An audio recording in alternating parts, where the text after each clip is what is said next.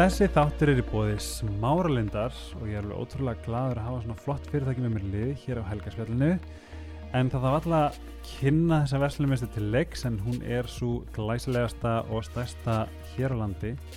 Það sem er svolítið skemmtilegt við smáralind er að þau eru bæði mjög öflug á bæði heimasíðin sinni og á Instagram þar sem ímyndslegt tilbúð er í bóði eins og matur og mynd á þriðdugum og þar er alltaf eitthvað skemmtilegt að gerast þess að það er mjög gaman að fylgja þeim á bæði samfélagsmiðlum og síðunni, þau eru með svona blogg og alls konar aðstóð og tips fyrir þá sem að þurfa.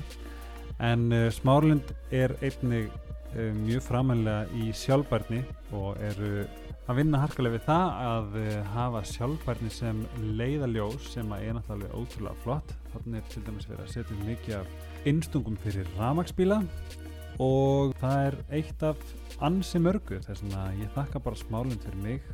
Þið finnið það á Instagram undir nótendarnafninu smaralind og á smaralind.is En nú hefst þátturinn Halló og velkomin í Helgaspjalli Ég ætla að halda áfram með smá svona All-Star þema mitt en ég fór yfir það þætti sem ég elskaði og bara sati mér og fleirum og ætla ég fekk til mín svona All-Stars. Og ein af þeim er Eva Dögg velkomin. Takk fyrir. Okkar þáttu síðast var mjög um, vætti mjög jákvæða aðtegli mm -hmm. og þetta var svona einn af þessum þáttu sem ég bara hlusta á aftur til að hlusta á þig skilju og ég fyrir bara svona momentumið þú veist að geta hlusta á eitthvað og fengi einhver svona hugljómun og leiði betur og teki eitt labbitúr og bara svona komið úr labbitúrnum bara ó, ó ég er maður að gleyma þessu? Mér er bara svo útrúlega að þetta var 2018 Já, Svo langt síðan. Já, ég veit að er svona, núna erum við líka tilbúin til þess að taka smá hvað hefur á daga þín að drefi síðan Síðan 2018 síðan 2018 og meira svo sko bara sömari 2018, byrjun sömars 2018 Já, það var regnsömari mikla já Hvenær var þetta? Júni eða eitthvað? Já. Ekki? Jú, Júni, ég, Sem ég tók mann upp Já Og hvernig hefur það?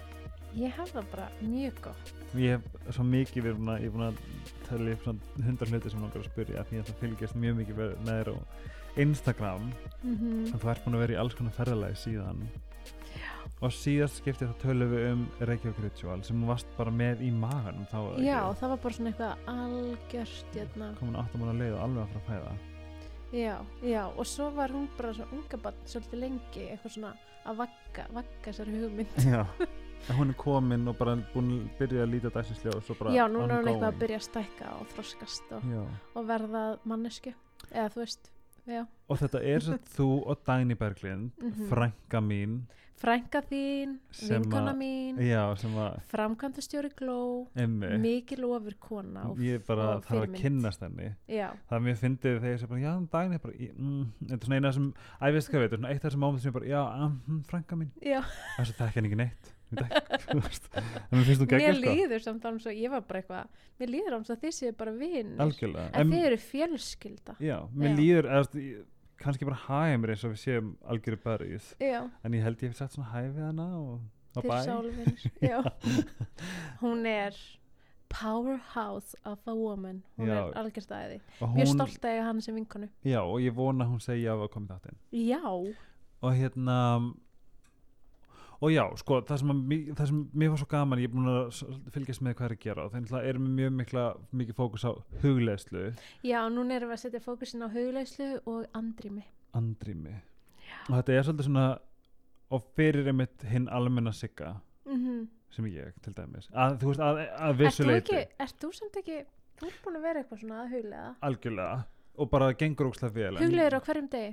Nei, ég hug, huglega alltaf í styrtu Já, já, ég bara, alveg sko ég talaði við yfirmann minn sem er sest, muslimi og hann satt huglegir daglega Já. sem partur af hérna, þú veist, trúnni religion, sinni. já. Já, og hann sagði við mig bara find your holy place já.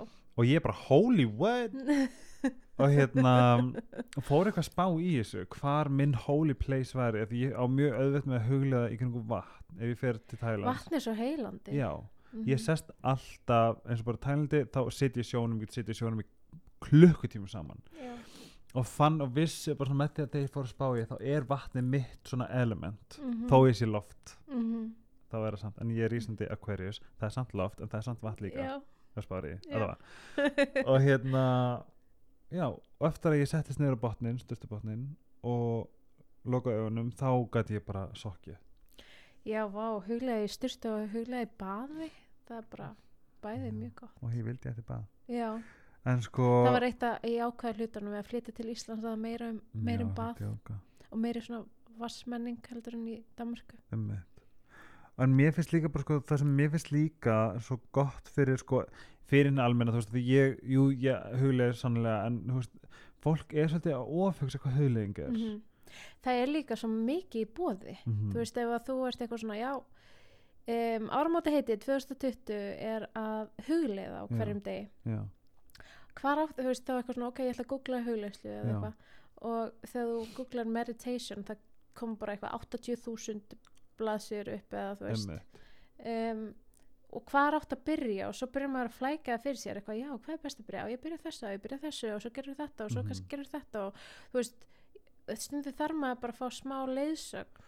Um bara eitthvað, gerðu þetta og þá hlýður maður því og svo getur maður veginn tekið þetta næsta level. Mér finnst persónulega best að hafa sko physical contact mm sem að er leiðbyrning, ég hef pröfað uppin en þau virka ekki fyrir mig. Nei, ég bara finn að ég er ekki í ró aukstar á gólfinu mínu nei. að hlusta á eitthvað, ég fer bara hausnum fer allt annað, mm en að vera algjörlega í styrtu og þú, að, þú getur bara sitið Já.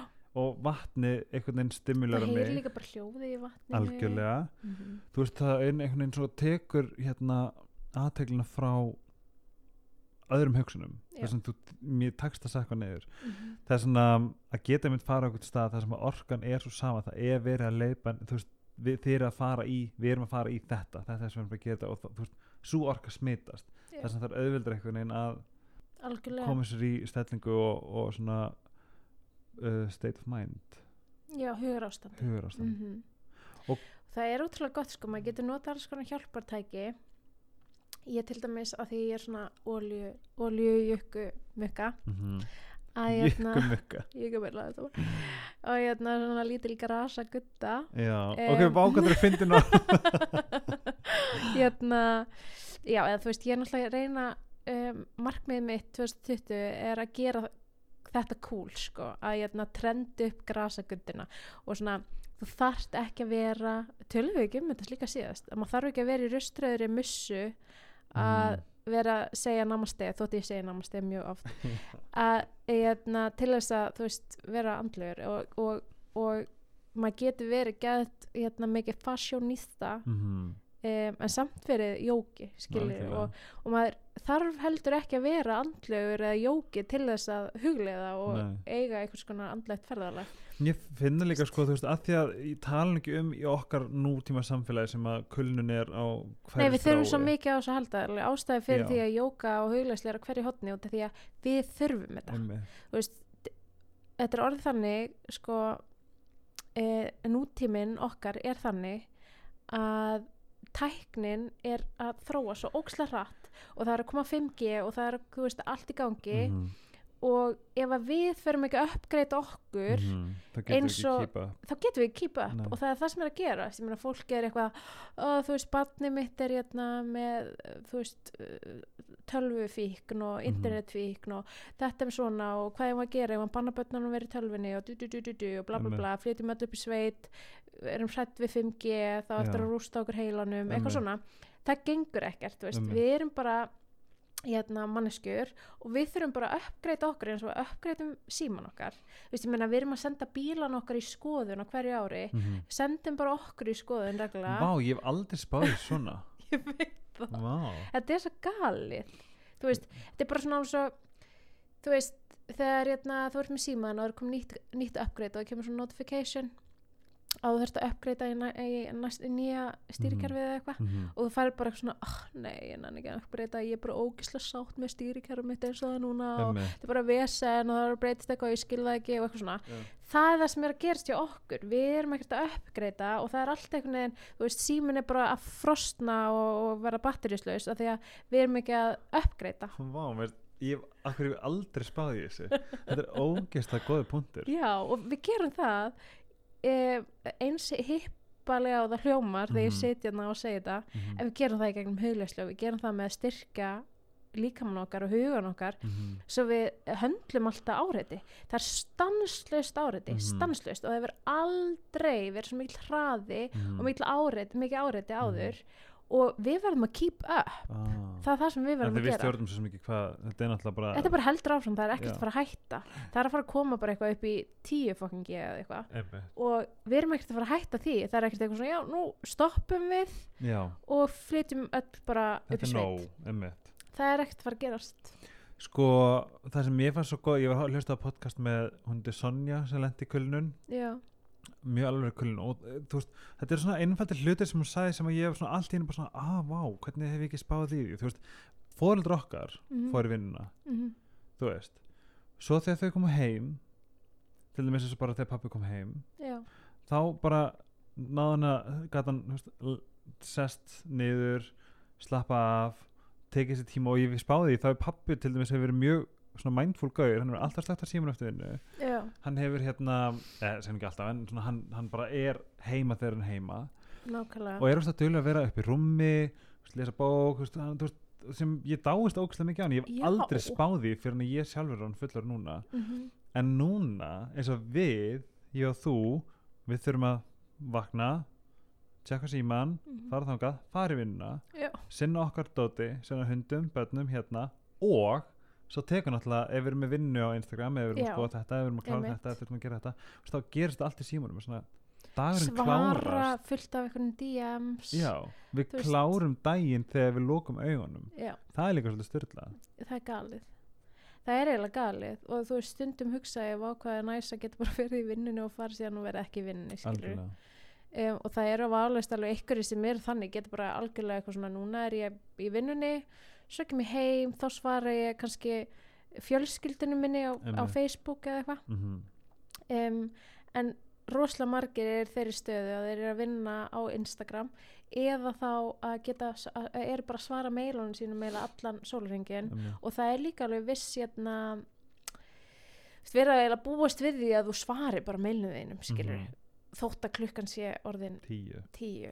Og, og sem er svona viss kannski frekja og eitthvað að við, og, og það er líka eitthvað sem við þurfum bara að setja þú veist okkar grensur svolítið sjálf mm -hmm. hvar við viljum vera bara Mhm. sorry ég svara ekki eftir klugan eitthvað og þetta er eitthvað sem ég er að þróinu með mig núna þessum að segja já og bara- líka ógslag sniðut að taka bara þú veist að, að náttúrulega bara eins og ógslag margir gera bara í þessum úlfatíma þú veist á milli 5 og 8 þá ætlum ég bara að vera með börnunum mínum að elda matinn og ekki svara. Tíma, hvað því það? ég, þetta er bara úlfatíminn. Ég veit en ekki hvað flott orð, já ok. Þá er eitthvað allt í gangi þegar börnin koma heim og þú ert að elda mat og fara að lesa heima. Úlfatími er flott þá verða all, allir fóreldrar mjög busy. Mhm. og svo þegar þau fara að sofa að leifa er þá bara ok, núna tek ég hálftíma í að svara Mhm. einhverju Mhm. og svo ætlum ég bara að slökka símanum Mhm. eða eitthvað svona, þú veist þetta er samt líka að þetta er alveg challenging en þegar svo tekur eitthvað annað við og svo segir maður eitthvað annað þetta er bara, það er svona ég finna ég finna mjög stert að ég þú veist ég er búin að segja en þessi podcast endur líf mitt er miklu betra eftir ég byrja að huglega ég byrja að byggja líka.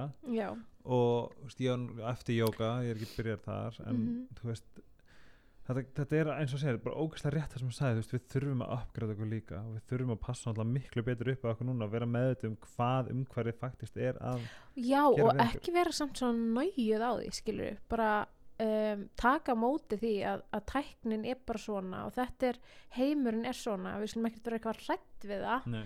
heldur bara styrkja okkur stækka okkur til að Mhm. þóla þetta. bara play with it. Já, svo við förum ekki öll í Já, eða eða bara svona vinna með bara svona, hei, bara svona samvinna. Skilja vinna meira en það einhverju sem við stjórnum ekki Einmitt. Þú veist, til dæmis, að ég veit ekki, þú veist, það er ótrúlega mikið, hérna, núna er ég jógakennari og það er ótrúlega mikið í jógasamfélaginu um, og svona sem jógakennarar að, þú veist, þegar þú kemur í jógatíma, þá skilur þú síman þinn eftir, þú kemur á réttum tíma, þú Mhm. kemur ekki á seint mm og svo ertu bara þinni móttu, du, du, du, du, du, eitthvað. Og ég er ekkert eitthvað sammála því, ég er bara að geða þakklátt ef fólk gefur sér tíma til að koma í jóga þá má það alveg koma seint, það má alveg taka síma sér með sér. Það er meina- komin enda meiri pressa. Ég veit það, veist, taktu bara símaði með þér. Kannski er þetta einhver framkvæmdastjóri um, eða fimmbarna móðir Mhm. skilur, þarft máttalega taka símaði með þér í jóka, þú Einmitt. allan að gera jóka þú veist, við þurfum bara svolítið að vinna með hvað er í bóði þú veist, taktu bara símaði með þér ef þú berð ábyrð á 250 starfsmönnum og þreim börnum og einu manni og tveimur hundum. Æskiluru, og þetta er bara svolítið, nútíminn er bara Já. svona. Ég finn það þess að að tala um ánum anda. Ég lendi svona ég, það var tímabili sem ég var þú veist, í 95 svo kom heim. Það var þú veist, hundurinn, það var kærastinn það var podcastið, það var bloggið það var Instagramið, það var DMs það var hérna, myndvinnsla, það var allt þú veist, mm það er svona, veist, þetta var mjög mikið kersla sem ég hafði vel gaman af en svo allt í henni, þú veist, fór ég bara svolítið fram á mér. -hmm. og upp í vinnu þá var ég alltaf hlaupin og baða anda. Mm og þetta var svolítið magna sko að jú, ég hef alltaf ég hugsa alltaf þannig að ég er að ná í kvíðanhutin ég er að, ég er að veist, með, með, með öndun er ég að veist, sjú eitthvað í mig -hmm. til þess að losum og hvað, ég- þú veist, það er að gera svona já og svo að fyndi hvað það kom organikli til mín Já, þetta er náttúrulega eðlið okkar og hvað er svona eins og öndunar Sko- rými ykkar, öndunar hérna bara svo ef við, klá, um? ef, ef við klárum bara eins og þú varst að segja núna Mm. að þú veist, ef maður stjórnar andadrættinum sínum, þá Mhm. stjórnar maður lífi sínu að því Ooh, það er bara þannig. That again Mhm.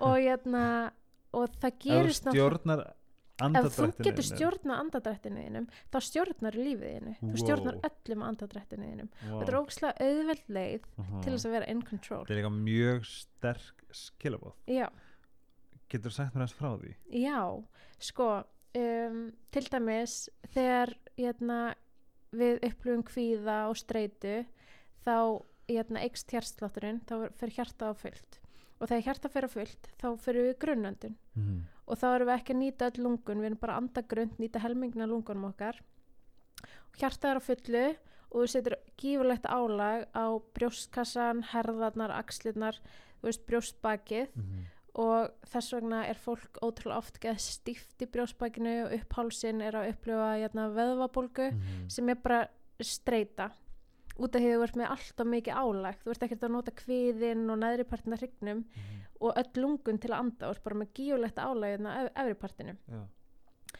þannig að um leið og finnur fyrir streytu eða kvíða þá ertu í grunnöndun, þú getur ekki upplifað þetta nema þú sért í grunnöndun Mm. um leið og ferði djúböndun og gefið tíma til þess að anda djúft fylla lunguna lofti Mhm. dæla súrefni í blóðið Mhm. súrefni upp í heila Mhm. að þá hægir á hjartstættinum sem gerir það að verkum að þú ert ekki af stressaður og þú ert ekki af kvíðin Mm. ógisla basic allt of simple meðan við hvað þú veist að ógisla margir að díla við kvíða og er að kvíða lifið mig og ég er ekki að neitt lítið úr því en málið er bara að við getum stjórna ótrúlega miklu með andadrættinum okkar Mhm. og að læra á andadrættin og kunna á andadrættin og það er, það er svo margir sko, ég fann það bara þarna gerist það þannig að þetta bara svona organikli gerist það er svo margir sem að bara fatt ekki að það er hægt að taka þetta skref já líka það verður svo ótrúlega aftengt líkamannum okkar Mhm, þú veist einmitt. og ég meina í streitu þá erum við ofta þú veist í svona hérna, fight or flight mode skiluru mm.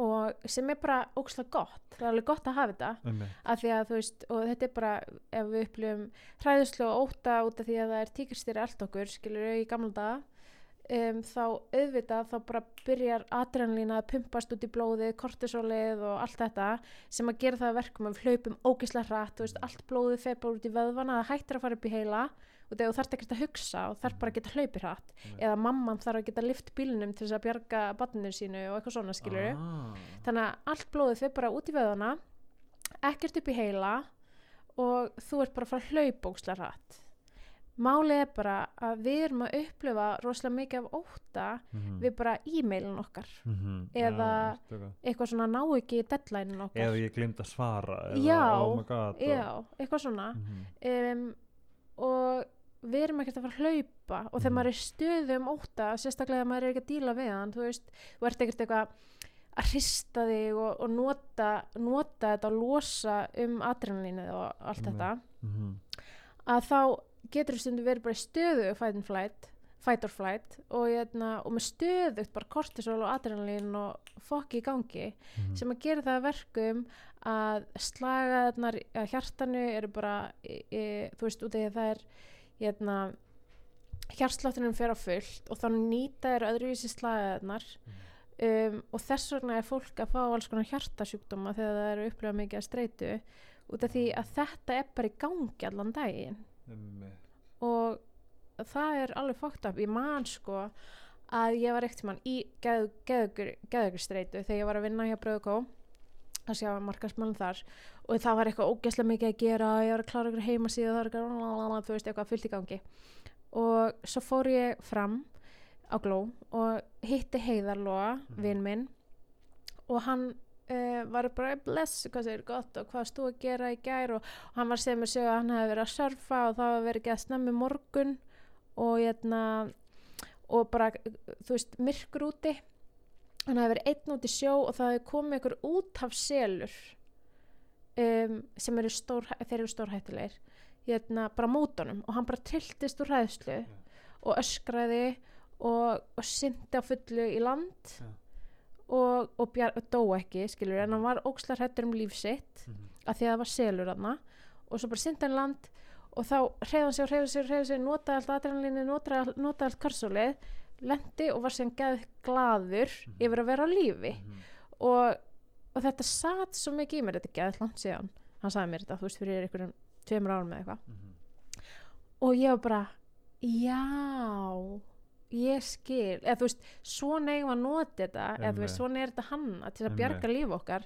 En, en svo þegar ég sit bara ekki að stíf fyrir fram tölvuna mína að upplifa þessum sömu tilfinningar og það er líka minn að upplifa þetta sama það er alltaf sama að gerast. Um, nema ég er bara ekkert að nota ég er ekkert að hlaupa, ég er ekkert að vera glöð fyrir að vera lífi ég er ekkert, þú veist þannig að þetta sapnast bara upp og fokkar upp líkamannum þú veist, það er líka ég meina, e, e, líffærin er ekki að fá blóðstreymi sem að gera það að verkum að fokkast upp meldingin, þú veist, allt þetta. Þannig að en um leið og andar getur ekki þá getur ekki verið svona stressaður og þetta í djúböndun og það er rosalega margir sem kunna ekki eins og anda djúft kunna ekki að draga andan Og og, anda rétt. ekki og gera það ekki. Og eru hættir að finna fyrir því að þau eru svo vunni að vera bara föst í haustum á okkur Mhm. hugsa allt með haustum á okkur pælu öllu með haustum á okkur. Mhm. við erum ekkert tengt innsæðinu Mhm. og við erum ekkert tengt líkamannum. Við erum bara svo stórir hausar rúlandi út um allt að geta reyna rökhugsa lífið. Og þú veist, við erum bara eina dýrategundin sem að notar ekki innsæði sitt. Þú veist, sér það hann svo Noel? Hann fylgir innsæðinu sínu nummer 1, 2, 3, 4, 5 Einmitt. þú veist, það er ekkert sem að trompar innsæð hjá dýri. Nei. svo koma við, þú veist, við erum alveg dýr og við erum alltaf að hunsa innsæðir við, þú veist, bara já, innsæðið mitt segir mig þetta en við bara ítrekka hunsum innsæðið, hunsum innsæðið, hunsum innsæðið og erum bara hægt að trúa því Einmitt. í stæðan fyrir að fylgja því ég meina, hugsaði bara, ef við takið eitthvað svona já, núna í februar Mhm. 2020 ætlaði ég að fylgja ins, innsæðinu mínu einu og öllu hvað það myndi gera mikið fyrir þig og líka segir, þá ertu líka bara að segja við líkamæðin ég treyst á mig, ég Mhm. trú á mig og þegar þú treystir á þig á sjálfa þig, hvað er Mhm. það? það er sjálfströst Mhm. þannig að já, þú treystir alltaf á þig ert þú ekki að koma fram sem miklu sterkari og sterkari sjálfströst þú veist, persóna skilur Þetta er líka bara svo góð mantra Ég treyst á mig og hvað er það? Það er sjálfströst Já. en sko ég var með hérna, námskeið allt haust sem heitir Beyond Asana sem er verið að skoða hérna átta arma jóka sem er bara svona það sem að jóka Er það byggist þetta? Þarna, Nei. Nei. Nei, það er bara dreigið úr hérna, jókasútrónum Mhm. sem eru bara hérna, rit sem voru skrifið af Patanjali fyrir löngu síðan. Og þetta er bara svona lífsbeki um, hvernig þú átt að lifa jókisku lífi til þess að eiga betri huglæslu í raun og veru. Og um, þar eru sem sagt alls konar njamas og jamas er svona hvernig þú kemur fram í sjálfu og aðra. Og eitt af því sem að ótrúlega margir sem hafa komið til mínu námskeið hafa verið svona tala, talað um eftir þetta er að hérna, er þetta með sjálfstöðstið og, og það er að vera heiðalegur og ég menna, ég myndi segja að ég sé bara heiðaleg mannska bara já, ég segi satt og ég hérna, reyna að vera bara mjög heiðaleg við mig og aðra. En svo ef maður fyrir svona heiðarleika svona skoðun tekur bara nokkra daga þar sem ætlar alltaf að vera svolítið aðtöld ert að segja satt, skilur og þá er ég að meina bara svona litla hluti eins og um, að þú ert að fara, ég er að fara að hitta þig klugan tíu og svo ringur í mig klugan tíu. Heila, ég er á leiðinni já, hvað ertu? Ég er bara hérna ártúnsbrekkunni og þú ert kannski ekkert í ártúnsbrekkunni þú ert bara á Vestlandsveginu en þú veist, ég ger þetta, ég hef oft gert þetta stundum er ég svolítið að segja og ég er að reyna að laga það hérna, og það segir svona, ég sé alveg að koma en það er bara fimm minn drými eða þú veist, og, en ég, seg, ég er bara ég er bara hérna handa við hotni en ég er bara ekkert handa við hotni þú veist, æ, þú veist, það er bara svona ótrúlustu hlutir. Og þetta er bara svona þú veist, basic hérna manneskja segir svona litlar legar sem að skipta engu máli mörgsum á dag. Og þegar þú ert alltaf að gera þetta ok, manneskjan sem þú ert að fara að hitta vinin eða þú veist sá sem þú ert að vinna fyrir eða eitthvað svolítið þeim er alveg sama. Veist, allra þessar legar skipta engu máli. Þetta er, engar stó, þetta er svo litla legar að skipta engu máli. En það sem þú ert að gera er að vera óheðalög þig og þú er stöðugt að gera þetta og stöðugt líka þú veist, og oft erum við svo góði að mæta fyrir aðra en ekki fyrir okkur sjálf. Þú veist, þannig að ef, að þú, ef ég segi hei Helgi, hittist í rektinni klugan 6 og þú bara já, þá kemur út eða þú ert að fara að hitta mig. En ef þú segir hei Helgi við sjálfa þig, hittist í rektinni klugan 6 og svo vaknaru og ég nenni ekki rektinni klugan 6 þá ertu að svíka sjálfa þig. Og allt þetta er svo mikið sjálfströstið eða þú veist treyst á það að þú segir satt treyst á það að þú mætir fyrir þig treyst á það að þú setir þig í fyrsta sæti það gefur þér sjálfströst og þessi sjálfsægi líka á dæmis það ógesla oft vanta í jókasamfélagið um, nú er ég ekki þetta alhæfa en, en mér finnst það svona ég er ótrúlega hlind sjálfsmygt og sjálfsást og allt það. Mm -hmm. maður á að vera góð við sjálfum sig uh, byrja verðing fyrir sjálfum sig og allt það. En sjálfsást er samt svo mikið sjálfsægi. Algjörlega. Ef að þú getur mætt þér og gert það sem að þú vilt gera Mhm. Það, það er sjálfsagt. já. Ég ætla að fara elsa tilbaka þar sem að tala um með önduna það sem ég fann svolítið svona ég tók frá þessu var að hvað er henni við verðum að taka, passa upp á okkur. Það er bara, og rauninni, það er bara ástæðan fyrir þessu podcasti. Mm að, að veita fólk innblástur í að bæta sér betra. Og pældi í því að þú ert með það sem, allt það sem hún sagðir út af öndun, eitthvað sem við gerum fyrir. -hmm. Hvað, er, hvað, er, hvað hlutinir geta verið litlir og haft mikil áhrif. Ég ég vissi ekkert þess að þú varst að segja. Nei. ég fekk bara, mér langaði bara að kasta mægnum í gegnum gleri og bara grenja. Skilju, þetta er eitthvað gaman. Já. Og hérna, en eitt sem ég langaði að segja varandi hérna að vera sein sem ég lærði og ég er búin að vera að taka á og það tókst. Finnst ekki gott að búa í Danmörku og læra að það er Hagan. ekki búið að vera alltaf já, en líka það sem ég lærði var að við erum háð þessu og þessum litlum ligum já, þetta er sama, þú veist, þegar litli krakki fær að stela nammi. Hann stilur þá til að vera gómaður Gómaður. já, hvena verður gómið, kannski ekki þetta er svo litla já, þess vegna við höldum áfram í rauninni að eh, sko gera þetta okkur til ekki góðs. Hvað er anstæðan frá góðs. Bara sjálfsæðinga kvöt já, sjálfsleika hvað sko, en, en, en þetta er líka undir með þetta að fokka okkur upp sko. Ég fatt að ég er, ég er háður þessu að já, því við getum alveg mætt kortið fyrir. Ég veit að þetta er þetta adrenalin rush já, og þetta er svona smá þessi bóðefna vöndun þú veist oft þá vantar okkur svo mikið bóðefni í framheilan og það er þess vegna sem allir eru fullir og taka eiturlif skilur hérna, en við getum skapað þessi bóðefni alveg sjálf þú Mm. veist, fólk er bara almennt í einhverjum bóðefna skorti í zombie móti símanu sínum. Nennar að útskynna þess bóðefni í hvað, þú veist. Það gerði glaðan og þú veist. Já, og, og, hérna, og þegar þú færði kókain þá ertu bara í bóðefna brjálaði skilur ah. eða, eða einhver, ég er engin eiturlífa hérna, sérfræðingur en þú veist almennt þú veist svona veljaðan og svona. Og ég meina þú framlegir bóðefni þegar þú ert þú veist stunda kynlíf og, og svoleiðis skilur Mhm. og alls konar önnur hormón líka. Mhm. en þú veist við getum líka bara framleitt bóðefni í jóka og með öndun. Ég hef ekki hitt þetta orð svo lengi bóðefni já, að þetta eru bara hor, hor, hormónar hormón upp í heila. Já, sem að líka með okkar og við erum að alveg svo bara Skapa. þegar við vorum að drekka kakó á þann þá Já. vorum við að fá bóðefni líka upp í framheilan Mm. og Það, Og ég ef verð þú að segja, ég var að því að því nefndi, ég var að drekka mitt fyrsta Guatemala hreint kakó já, og ég finn smá svona ég er smá svona hérna, ég finn fyrir þessu ekkert eitthvað, ég er ekki inn í vímu en eins og bara þú veist, ég finn bara svona eins og þetta opna fyrir æðarnar og mér líður að ég líkamlega finna. Já. Það er magna, Það er getur fengið hjarta- gló. ég vissi það Já. ekki, ég hef ekki hugmynd. Dagný Berglind mhm, á hérna uh, vantarlega smá heiðar af því að hún er Mm. með Guatemala kakó á Glow já, kostar 990 mhm, og þetta er smá svona velliðunar sprengja. Já.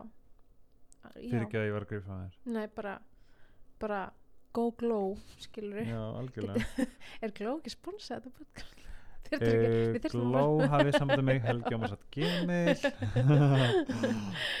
en hérna já, þú veist, ég meina um, já, búðefnaskortur Mhm. er bara að þú ert alltaf að leitast eitthvað annað í, að- Ertu í meðvitið um þín bóðefni? það er náttúrulega bara búðefni er bara það sem að gerist þegar þú, þú veist, líka með byrja bara að framleiða búðefni þegar þú upplýður veljiðin og gleðitilfinningu og þegar þú drekk kakó, þegar þú tekur veist, og stundum erum við í búðefnum skort, veist, það er svo Mhm. mikil búðefnum skortur út af við erum ekki að gera neitt Mhm. aktíft til þess að, þú veist, þú framleiðir líka búðefni þegar þú og Er þetta er svona svipað endrofín kannski já, það eru búðefni Ah, ok, Mhm. já það er bara svona alls konar um, eh, hormón, mm. gleðihormón Mm. og, og, og með öndun getum við framleitt búðefni og þú veist um, þetta er þetta er bara til taks fyrir okkur að, Mm. að sjá um þetta sjálf en það, veist, það er svona easy way er að, jæna, að þú veist drekka bara áfengi og fara jammið og, Já, og, en málið er að þá ertu alltaf að fara í skortin aftur þetta er bara, þú veist, ég held að við höfum talað um þetta mér segja podcastinu síðast mm. að þú ert jæna, debit credit já, Já. að þú veist að e, þegar þú ferð að fyllir í þá ertu svolítið mikið bara að nota vísakortið skilur og svo kemur þingan eftir á. Í staðan fyrir að þú skapar þetta bara sjálfur og þá mm. ertu alveg laus við bara get high on your own supply. Já, fyndi ég sko, ég hef aldrei verið slæmur í veist, lí, líka mér hausinn já, hefur aldrei verið eins viðkvæm fyrir þessu. Ég feg bara, ég, hérna bara líka mér, lega ég fæ, fæ, fæ mér áfengi, já, þá segir líka mér bara og það er svo fyndið, því nú er ég búin að kynna ég, satt, ég fór, hvernig var það, fyrra. Þá fór ég þetta ferli að kynnast líkamann mínum. Já. Og þetta er búið að vera ógeðslega empowering hérna, ferli mm. að hlusta á hvað hann er að segja um mig í staðan fyrir að vera bara kúan eins og degran krakka. Ég veit og hérna og núna þegar ég drekka áfengjar ógeðslega fyndið að því að nú vinn ég, mín nánustu vinnir eru svona típur sem fara að fá sér bjóður þegar vinnu og hvítin og mjög duglega Já. að fara út og fá sér til Danmörk já, og hérna ég, ég heyri röddina í líkaunum segja mér langar ekki í þetta en hann er að hætta. Það er svo fyndið. Og svo refsar hann mér. Ég veit það. Og það er svo fyndið hvernig samfélagið bæði bara þú veist í Danmörku náttúrulega mm. um, en líka hér hvað það er ótrúlega mikið normið að drekka áfengi. Og ef þú ert ekki að fá þér mm. þá bara svolítið einskott að þú sért óléttur eða síklarlifjum Já. eða, eða etru að því að þú áttu vandamál að stríða.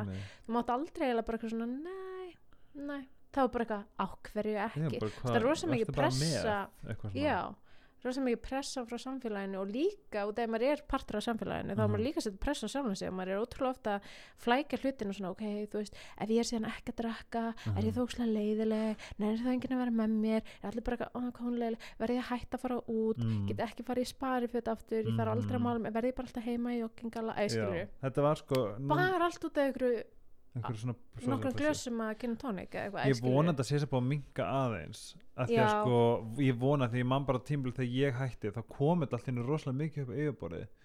Þú veist ég man að Jón Jónsson kom fram og bara þú veist hann miðlaði þetta óslega mikið og ég var Mhm. rosalega ánægð með það því þá var ég eitthvað líka.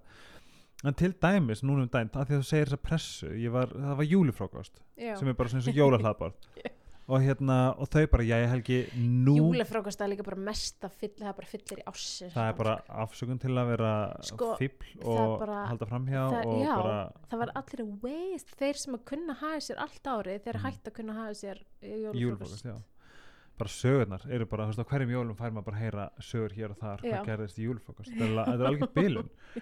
En sko, að því að máli er það sem ég geri yfirleitt, þegar við förum út að borða þegar við erum, skilur, þegar við förum út og svona, þá er ég típan sem að eh, fæ mér hvítun hér, hvítun þar og er svo farum tólf. Veist, ég er ekki alveg tilbúin að taka skref og fara, þú veist, út á fleiri bari og eitthvað djam og svona, já, það er bara ég. Mhm. en hérna, það, í þetta skipti fekk ég bara hefi pressu. Já, og ég er ekki ég er ekki að segja þetta hvað eru vanda því að ég tók þess að pressu, ég bara já, þú veist, nú koma, nú verð ég að fara. Já. veist, ég fer aldrei með þeim. Ég mæta það daginn eftir bara, já, hvað gerði ég þú veist, ég hef ekki verið með. Nema hvað, að ég bara eitthvað tekur þess áskurun fyrir mig fimm stjörnum dinner á hérna Sky, nei hérna hótelinu hérna sem er svona brú yfir hérna við Fields, til Fields. Marriott eitthvað. ógsta fancy. Mhm. og ég enda, takk fyrir pent neðst niðri gubbandi, já, bara eins og um leið um, ég var bara veikur ég var bara líkamlega veikur. Skilja, þegar, en þarna fann ég líka svo stert að ég var ekki sem það drukkin bara líka minn bara hann var svo mikið að mótmæla. Bara, ég, bara hættu mhm, þess að þarna er líka bara svo magnað og ég get ekki mælt meira með því að fara í þetta ferðlega að kynnast líkamnum hvað Já. er það sem hann vill? Mhm. af hverju vill hann þetta? Af hverju vill hann sigur kvöldin? Af hverju vill hann þetta? Já, og líka bara að hugsa hva, og þegar stundum getur þetta verið líkamlegt Mhm. og stundum eitthvað andlegt og líka bara það er náttúrulega alltaf sama. Þú veist, við erum ekkert eitthvað svona já hér er líkami, hér er heil þú veist, Þetta- er alltaf sama. er þannig að þú veist, bara hvað ertu, veist, ertu í ertu að bæla eitthvað tilfinningar Mm. niður með því að e, drekka óksla mikið af e, víni á kvöldin Mhm. eða borða óksla mikið af nammi á kvöldin eða Mhm. binsa sjúklega Netflix þú veist, stundum með maður bara að bæla eitthvað drastl sem að undir meðutundin sem er í undir meðutundinni eitthvað svona fíkneðun út að maður meikar ekki að díla við shitið sitt, Mm. þú veist það er bara alls konar stöf og, og þú veist og hvena langaði í bara, já, ef mér langar bara í nammi. Æskilur ég finna sko eftir að ég, eftir ég fór þetta ferli þá leið mér betur að öllu þetta mm. Mhm. þegar sko nú til dæmis fór ég yfir í plöntufæði sem gengur úslega vel og ég, mér líður miklu betur. Ég er svo stolt að þér, ég var ekki búin að segja við þig. Ángurins, hversu, ég, ég hef talað um þetta við því síðan bara, bara alltaf, lengi bara já. 2013 þegar ég var að vinna í Ampersanda já, og ég man samt eftir, ég gleymi aldrei samt, fyrsta svona besta int- introduction mitt var að ég fór í ammalið þitt já, og það var vegan hlaðborð og Mhm. þetta var, og ég, ég, ég held bóks að þetta væri bara paprika, gúrkur og dífa já, ég veist ekki svona væri þetta búið til dífu eftir, þetta var veist, þetta var fyrir fyrir löngu sex sko. árum síðan Mm. og þú varst bara, er þetta vegan? er þetta Já, bara vegan? ég ætla Er ekki að trúa þessu En svo þess að fyndin þessu með þetta er að þú veist, ég er hérna ég er 90% skilur já, og er bara ógeðslega sáttu ef já mér finnst það 80 líka bara svo mikið máli maður er bara Mhm. að gera sitt best algjörlega.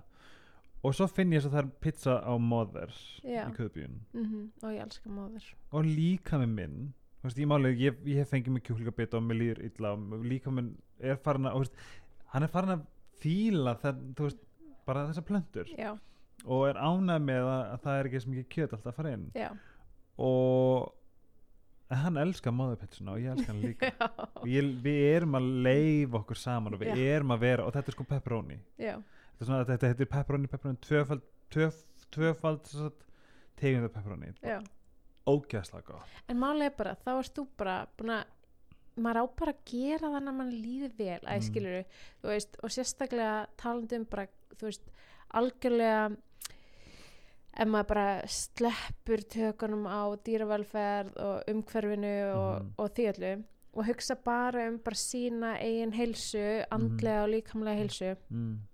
um, og mat að, að vera bara mindful og Algjörlega. gera bara hvað, þú veist, hætta eitthvað, ef þú ætlar bara að leifa þér þessa móðupitsu þá ætlar þú ekki að vera að seima þig fyrir Mm. Nei, það heldur bara að njóta þess ég leiði mér hann einu mánuði Algjörlega. ef ég vil það já, ymmit og bara svona fylgja, viltu það vil- svo kannski Mm. allt í hennu viltu það ekki, skilur og þá bara er það geggjað, skilur Algjörlega.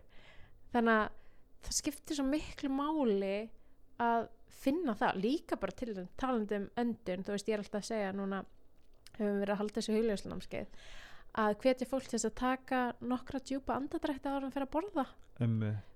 bara anda djúpt nýr í maga og finna bara er ég þú veist, þú- oft erum við bara að borða á autopilot þú veist, þú ert í vinnunni, Aha. það kemur hátegismatur það kemur kaffi, það kemur, þú veist. mindful eating skilur Já, bara en algjört. bara finna, er ég sveng, hvað langar mig í? Mhm. hvað þarf ég? Og hvað lætur mig líða vel? Einmitt. og taka bara svolítið ábyrðaði hvað lætur mig líða vel. Ég er farin að taka ég, ég, það er þetta inspired by Oprah.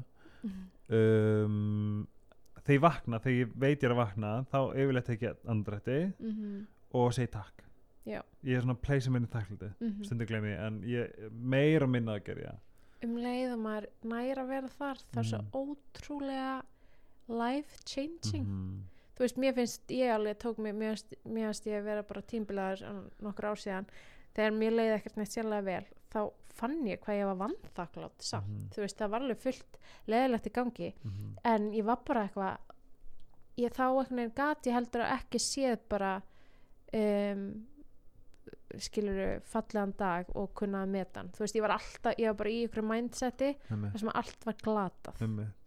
og það er svo, það er svo slítandi og smita svo mikið frá sér Mhm. eins og hitt smita líka óslega mikið frá sér og Gleðin. já, og þakklæti að hérna til dæmis, óslega góð hugleisla ef, mað, ef manni finnst maður að vanta meira þakklæti í lífið, Mhm. geðt einfalt að þá sestu bara niður og setur, setur tæmur á símaðin í eina Mhm. myndu og skrifa bara eins rætt og þú getur allt sem þú er þakklætt fyrir í eina myndu og svo set- setur tæmur aftur og hugleðir í tímyndur Mm. og, og þú þarft ekkert þú veist að vera að fylgja andadrættinum þarft ekkert að gera neitt, þú þarft bara að loka augun Mhm. sitja með upprétt bak Mhm. loka augunum og hugsa bara um Mhm. það sem þú ert þakkláttur fyrir bara hugsa um það, hugsa um það, hugsa um það í tímyndur og svo bara ef það er eitthvað meira sem þú þarf að skrifa niður þá gerir það. Og, fara síðan út í daginn eftir að Aha. hafa gert þetta, þetta eru 11 mínútur Aha. kannski korter. Og þú ert bara ert sky high. "Ah", já, Já. Ég sko, er, þ- sko, ég veit að fólki fyrst að finna skýti, fólk fannst að finna skýti, ég setti í story, nei, ég setti í annar podcast, síðasta þætt held ég, nei, byrju við, jú, jú, síðasta þátt með röggu, þar sem við erum að tala um sjálfsögnu, ég fekk mikinn innblástu frá yfirmanni mínum, sem er muslimi, já, og þeirra bæn er þrý, þrý, þrýþætt þrýþætt, já, hérna, og þá, þú veist, fyrirgefninga, þau finnum alltaf eitthvað að synga, hann hammi og drekkur öll, skilur, en hérna, en svo kemur þakklætið, og fyrsta skipti ég svona ok, mér fannst það mjög svona, svona langt út fyrir minni grensur. Já, og hérna að fara actually að byggja bara atheistin sjálfur um, ekki lengur, ég er miklu trúar núna. Ekki, um, en þarft ekki vera trúaður, þarft ekki vera með neina sko, ég, eng, engri trú ég þú getur bara beðið um alheiminn Já, um ég veit ekki ennþá hvað ég er að byggja til. bara að sé eitthvað þarna úti sem er starra eða bara, eða þú stundum líður mér að sé að byggja til mín. Já, það er eitthvað svona já og svo líka bara þú veist svona collective consciousness þú veist samvitundin okkar þú veist hvað er Ú, það collective conscience samvitund. Já. Flott orð, mm samvitund. Er Þú veist, það meina, collective það- conscience collective consciousness, já. Sko en það sem gerðist fyrsta skipti consciousness. það, í rauninni ég kalli það þakklætisbæn. Ég er sett og Sara Mæri kendi með þetta í podcastun okkar síðast þáttum tvö, mæli með hannum uh, head below heart það er svona ferða hnén setur ennið í golfið og byður mm ég gat ekki hægt. Ég Mhm. bara þakklætis kerslan stoppaði ekki. Mm það er fyrsta skipti. Mm og núna tekur það styrtir tíma en þetta gefur mér alveg ógæðslega það er líka bara svo mikil auðmygt að fara að þetta því að stundum finnst mann svo óþægild að fara á hnén Já, en þetta er þetta, ég, ég veit, ég kann ekki á þetta en hún sagði head below heart það er Mhm. á að vera einhver staða sem að einmitt, gerir mann auðm, auðm, Auðmjúkan. já, þú veist, mm og hérna það bara hendaði mér óslega vel. Gerir það bara alltaf á styrtubotnum með vatn rennandi á mig. Þess vegna ef einhverju langar að pröfa þeir ekki sinni í þakkliti þá mæli ég með að pröfa allavega. Já, þetta er mjög en eins og þú sagði líka, líka henda fyrir marga að sitja. Ég bara ekki get, ég, ég finna bara ekki geta ekki út af af haustum á mér. Hann, veist, eins og ég væri núna ég myndi hér og það er eina hvað er þetta, kælis fyrir aftan okkur Mhm. ég myndi, það myndi bara fokka mér upp sko eða Já. klukka, það myndi bara en sko um leið og þú bara einbyttir að einu og kemst yfir þetta ah, að þá það kemur ekki. blissið bliss Hérna, uppáhaldsorðið mitt. til dæmis saman svo sko vorum að tala um hann átt arma jóga áðan Já.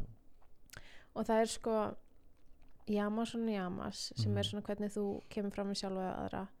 Svo er sem eru Jamason ja, yamas og það skiptist í fimm parta Já. sem eru allir svona þakklæti Er næjusemi Jamason og yamas og niyamas. Mm. og, og það er þú veist allt þetta ég meina það er bara allt þetta þakklæti hérna uh, þú veist að trista og að það sé eitthvað æðra heldur nú sjálfur, þú veist sleppa tökunum. Mm. hérna næjusemi, bara alls konar dót. Og hérna og svo þriðja armurinn það er asanas Mhm. sem eru jókastöðunar Mm. og, og í vestrænu samfélagi eru við flest allir bara í þessum þessu þriðja Já. og svo fjórði er pranayama sem er öndunin Já. og svo kemur brúin að það milli veistu það kemur fjórir hérna armar Mm. sem er svona alltaf sem að þú ert að gera eitthvað Mm. sem kemur armurinn að brúin á milli sem heitir pratyahara sem er um, að þú lokar á öll, öll hérna, skinnfærið þín Mm. og svo kemur dharana, dhyana, samadhi sem væntilega bara djúb fókus já, sem sagt dharana er að einbytta sér að ykkur einu já. dhyana er hugleiðsla Mm. samadhi er bliss og er pointi með þessu Mm. og stundum það er maður bara í hugleyslu og svo finnur maður samadhi í smá stund og svo bara fer maður aftur í hugleyslu stundum maður bara í einbendingu fyrir pínu í hugleyslu, skilur Já. bara svona endalaust eitthvað svona upp og niður fram og tilbaka er þetta sem maður læri bara í jóga, jóga kennarnámi eða getur maður, þú veist mér finnst þetta vantastundum í jóga? Ég veit að þess vegna gerði ég hérna, Beyond Asana námskeið og þegar mér langaði svo mikið að deila þessu með fólki. Ah, ertu með ég það var- líka? Já, ég var með það allt síðasta haust og, þetta er reik erfafkari12.is já, Ok. eða .com bæði. Hérna, ég var með allt síðasta haust, það gekk rosalega vel og svo hérna, veit ég ekki hvernig ég verð með þetta núna í Af því að sko, 2020 já. það er nefnilega eitt að gera stöðunar og fyrir mína parta þá er það er það er bara eitt, eitt, eitt þáttur já, sem eitt finnst lúmst eins og staðan er núna sem mér finnst lúmst minn spennandi Mhm. að því ég væri frekar til að taka allt og pleysa það inn í stöðunar veist hvað við? mm að því fyrir hinn almenna borgara þá eru hugsa maður stundum að stöðunar eru bara stöður við? en ég held að maður fengi meira sérstaklega í svona alveg svo hatha jóka og svona Mhm. þessu traditional jóka sem við þekkjum flest Mhm. öll mm. en svo tekur maður kundalini jóka sem er verið að vinna með hérna tíu líkama nákvæmlega og vinna með hormónakerfið og heilan Mhm. og allt shitið í einu og það er svona jóka sem skilur ekki alveg sérstaklega þú kemur frá hatha eða stanga eða ykkur Mhm. en hérna það er bara svona ótrúlega um, ótrú, það er bara svona jókisk tækni Já, á að, á að bara stækka og styrkja einmitt. og, og þar er bara skiptir engu, þú veist því að jóka er orðið svo mikið eitthvað Pinterest jóka eitthvað, já þú verður að geta verið í handstöðu og verið í einhverju svona fáránlega flottu Pinterest pósu til þess að vera jóki Mhm.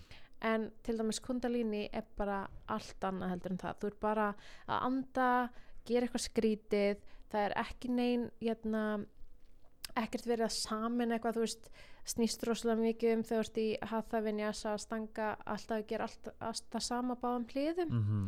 En í kundalíni þá ertu bara að gera kannski bara að nota hægri hliðina og svo eitthvað pínu vinstri eða þú veist það er engin svona samsvörn í því. Mm. en það er bara út af því að þetta er svo ótrúlega fáað kerfi Mhm. að vinna með allan líkamann og hugan og það- tögukerfið Já, og það er mitt sem að fólk fattar ekki. Veist, það, mér finnst ekki vera nógu mikil introduction í einmitt þetta því veist, stundum er bara að fara í jóka og gerir stellingar og svo fyrir hinn almenna borgar þá er það ekki nógu attraktíft Nei, og Skilurðu? líka fólk, ég meina, ég held að, veist, ég meina, eh, ég er að, þú veist, var bara að kenna jóga í morgun, uh, venjulega vinn í assa tíma. Já, vákáfast vöknu snemma Ég vakna, reyna að vakna kljóðan fjögur á hverjum degi. Ég, ég vaknaði svo stóri og ég vaknaði klukkan sko fyrir sjö og ég bara two hours ago ég bara hvað hva? what the fuck en hérna, já, ég var að kenna jóga í morgun kljóðan sex og þá, hérna, var ég að kenna vinn í assa tíma og ég held, veist, ég meina, fólk kemur hvað er þetta að kenna? uh, í hreyfingu Já, og fólk kemur og er bara, já, heyrðu, ég ætla að fá hérna, þú veist, er, er í svona, þú veist, ég, jóga sem ég kenni í hreyfingu er svona frekar upplugt mm. og, og fólk finnur eitthvað svona, já, ég er að vinna með styrk, ég er að vinna með Mhm, liðleika mhm. og ég er að vinna með öndun og, og það er svona, já, það er gott og ég held sko að fólk kemur og fólk kemur aftur og aftur að því að það finnur veljuna tilfinningu Mhm. eftir jógatíman, þú veist, þú Mhm. er búinn og þá finnur þau eitthvað skonar uh, jöfnun og þú er svona tengdari sjálfur þér Mhm. þú veist, alveg svo þegar ég fer í, til gerðu vinkunum minnar Mhm. og er í ykkur brjáluð erabyggi þá var ég bara svo ógislega glöð og hæg eftir það ég er bara búin að vera einhver stelpum að ég er bóðefna mig í drasl og ég er bara ógislega glöð skilur brast og, hérna, og svo kemur fólki jóka til mín og það finnur bara fyrir í ró og meiri tengingu Mhm. en það veit ekkert á hverju Einmitt. og það finnur það bara og svo kannski ferða og svona Mhm. og, og pointi mitt með þessu námskeið var bara svona eitthvað þú finnur það út af þessu og gerðu meira af þessu og þessu, þessu Já. og þá getur þú fundið þetta allan fokkin daginn Mhm. ekki bara Þegar rétt eftir þriggja ára jókatíma tíma, skilur einmitt. Vilt finna þetta bara allan daginn. Mhm. og þá þarftu líka að vera bara í jóka allan daginn og jóka er ekkert bara þessar stöður. Jóka er bara svo ógislega mikið annað. Fólk þarf vel að- vita. Já, veist, vegna, svona með þessi podcast svona- erum við svolítið að setja út já. á hérna út í, út í kosmosin ég meina, hæðsta formið að jóka er bara að vera í langtíma sambandi langtíma sambandi með maka, langtíma sambandi með fjölskyldinni, Mhm. langtíma sambandi við börnin, Mhm. það er bara hæðsta formið að jóka þetta er, þú sko, þess að þú ert að tala um það sem ég vil vita meir um, skilur mm og svo vil ég líka vera góður í stöðanum en það er ekki, já, Skilurðu? það er bara einhver bónus já, það er bónus já, en þú ert búin að tala, þú ert búin að búin að nefna nokksund, bliss, ég ég veit. elska þetta orð bliss Mhm. hvað þið bliss? Jóka en það, þú finnir fyrir því uh, já, eða sko bara um, kundalíni jóka um, og að hugleiða á Mhm. hvernig degi mm -hmm. og að anda Mm -hmm. gefa mig bliss okay. um, það er sem þú upplifir bliss bara þannig séð oft í viku Já, og ég vill upplega bliss oft í viku og, og, og finnst það bara að vera mannréttindi að bliss finna blissið og ég finn bara að þegar ég er ekki að gera það sem ég á að gera þá Mhm. finn ég óslega lítið bliss eða þú veist, þá er ég bara rosalega fljót að vera ekki þar. Ég fann blissið mitt í vatni. Já, já, það er svo að hopp, þú veist, að, að hérna, þú veist, ég er ekki gera oft, þú veist, vetar bara ef ég er kannski, þú veist, á sumrinu og ég er að Ertu að fara í kalda styrstur? ekki styrtur, ég get Nei. alveg dæmt mér honni, honni Kalda kaldan sjó, skil, Mm. ekki jú, ég hef ekki pröfa en þú veist, bara svona vindabeð Já, skilu, ég gera Já. mjög sjaldan en ég er að æfa mig. En til dæmis að, taka backflip frá einhverju sillu og nýri í vatn, veist, þetta takk ég með bliss eða ég var í hérna góður, blálón fór í retreatið, ó, mér langar svo að fara Þetta er- Blálón, ef það er að hlusta vil ég bjóða mér í ágrís þetta var, veist, þetta er að styrla sem ég lendi Oh my god þetta er bara, þetta er fimm stjörnu klá, ok, klámar ekki ákvæmt en þú veitur hvað ég við. Já. ég hérna fær bara eigin svíti það sem að gera my og allar God. vörur til staðar og svona. Já, en ég var alveg bara einn, það voru óslega margir inni og svo var, veist, þetta er svona private Blue Lagoon inni þessu. Já, allt í einu var ég bara með svona ógæstast á svæði og ég var hann í sex tíma. Einn, Mm, alveg. Nice. Og hérna og ég það er svo salta þess að ég bara flaut Já, og varst að anda inn og út þess að halda mér á floti. Þú veist ég anda út, þá sökk ég og svo anda ég inn þess að fá mér aftur upp. Og ég sé stjörnurhrapp og ég fór inn í eitthvað, eitthvað annað dimension. Mhm. Og það er held ég bara the highest point of bliss sem ég hef nátt tímann fundið. Og varst ekki þakklátt ég þetta var bara, ég, ég bókstæðlega fór úr einn líkama í eitthvað allt annað. Mm í smástund og kom tilbaka ég þetta var hellað Já. þess að ef þið farir í trítið ógust að kósi að fara með kæra og knúsast og þú veist, inn í þessu hérna, svíti bara, þú veist, þetta er eins og þetta er klikka sko, já, en það, það ég, þú veist I, I'm hungry for more. Já, þetta var klikkað. Já.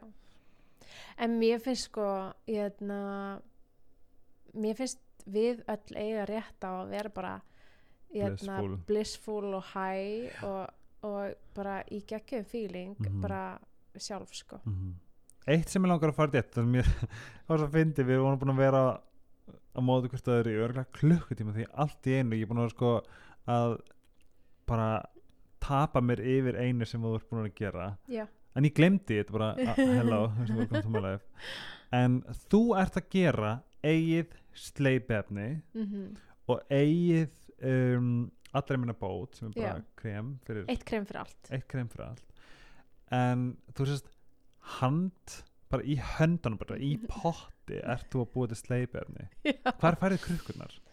Herðu, ég er náttúrulega búin að vera í svaka krukkuleysi og þú veist, þetta er náttúrulega allt sko einhverja svona jötna, verkefni sem hafa verið að koma til mín bara jötna, að því að það er svolítið flókið að vera á eigi Já, og vera uh, að búa til snirtiförur og eitthvað skilur um, þannig að ég var, er bara búin að vera eitthvað að slæta í DMs Nei, ég er búin að vera að slæta í einhverja, hérna, hvað heitir það, svona gáma og eitthvað með einhverjum starri fyrirtækjum til þess að Mhm. fá krukkur. mm Um, Þetta er úrst að flotta krukkur. takk, en ég er samt svona ennþá í þessu þú veist, sem að gerast, veist, ég byrjaði bara að kukla í eldhúsinu heima á mér og, svo, og það, þannig byrja öll stór Hvaðan kom hugmyndin samt? sko, ég náttúrulega hef verið að vinna með óljur og lengi Uh og verið að gera sjálf -huh. um, alls konar snirtiförur og dótari sjálf og verið að kenna námskeið og skrifa pistla um hvernig þú getur eh, lifað eituröfnarlausum lífstíl Já, já, já og, Og þú miðla það mjög mikið, ekki? Jú, og hef verið að gera það svona í gang tíðina þannig að ég er alveg með reynslu að vera eitthvað að prófa mig áfram í einhverjum Mhm. kremum og dóti Mm um, og svo bara einhvern veginn síðasta vetur þá var, ég var búin að vera eitthvað svona með hugmyndin eitthvað að, að, að eitthvað að bruggast inn í mér -hmm. um, í alveg daggóðan tíma og það er mér finnst sko þú veist, mér finnst rosa gaman að vera með einhvern flókin ritual yfir því hvernig ég er að getna, dekara við húðin á mér og gera Mhm. eitthvað hitt og þetta og vera eitthvað, þú veist, og ég er algjör lúði og ég bara elska að lesa um innihaldsefni og, getna, og spá í einhverju sem er, þú veist, einhverju nýju og fínu og, og vill alveg, vill nota allt eins náttúrulegt og mögulegt er Mm en ég elska samt allt hitt þú veist, mér finnst það ókslega spennandi allt sem er í gangi sem er kannski ekkert neitt svo svaglega náttúrulegt -hmm. og, en ég er samt ekki alveg tilbúin til þess að fara í það og þegar ég trúi ekki á að það sé sustainable in the long run því að Mhm. ég vil bara vera gett beautiful 100 ára gömul kona, skilur Já. og, hérna, og ég veit ekki alveg með hitt sem er búið til alltaf mikið okkur tilhörnstofum hvort að það sé að gera þú veist, mér, eins og ég sé það finnst mér að vera kannski svolítið svona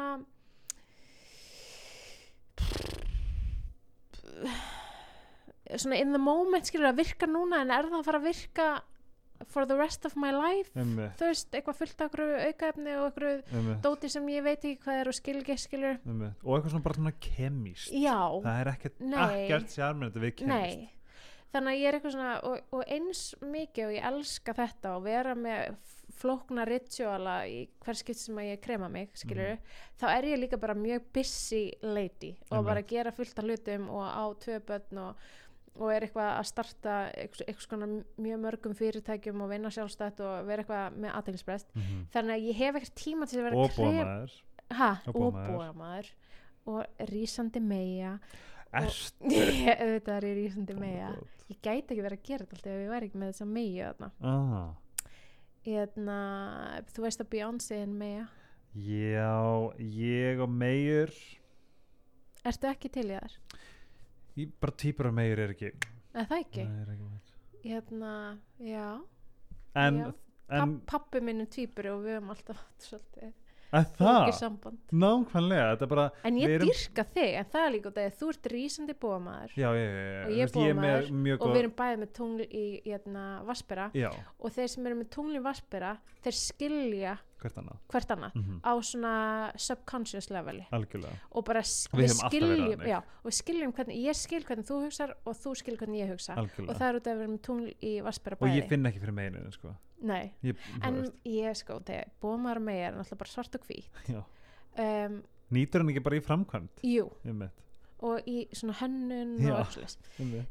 þannig ég er svona skemmtileg með fokkin skemmtilega en hérna já, þannig að ég var eitthvað, þú veist, ok þetta er basically allt, þú veist, að þú skoða krem og eitthvað svona, Aha. þá er þetta alltaf sama og þú getur komist ótrúlega langt með bara eitthvað eitt mm þannig að það var veginn missjónum mitt með þessu kremi allra minna bót, að ég byrja bara að gera eitt krem fyrir allt, þannig að þú getur verið með flókna rútinu Mhm. en þú getur líka minimasera þannig nánast í eitt krem, Mhm. skilur -hmm. og þetta er líka bara svona minimaliskur lífs, eh, lífstíl Uh næjusemi, mér finnst bara mjög cool að vera með eitthvað eitt sem allir geta nota þú veist, og það þarf ekki að vera svona flóki eitthvað, nei, börn með ekki nota og já, valdandi eitthvað og bla bla bla. já, þetta er bara fyrir, allt, fyrir alla þú veist. Mhm.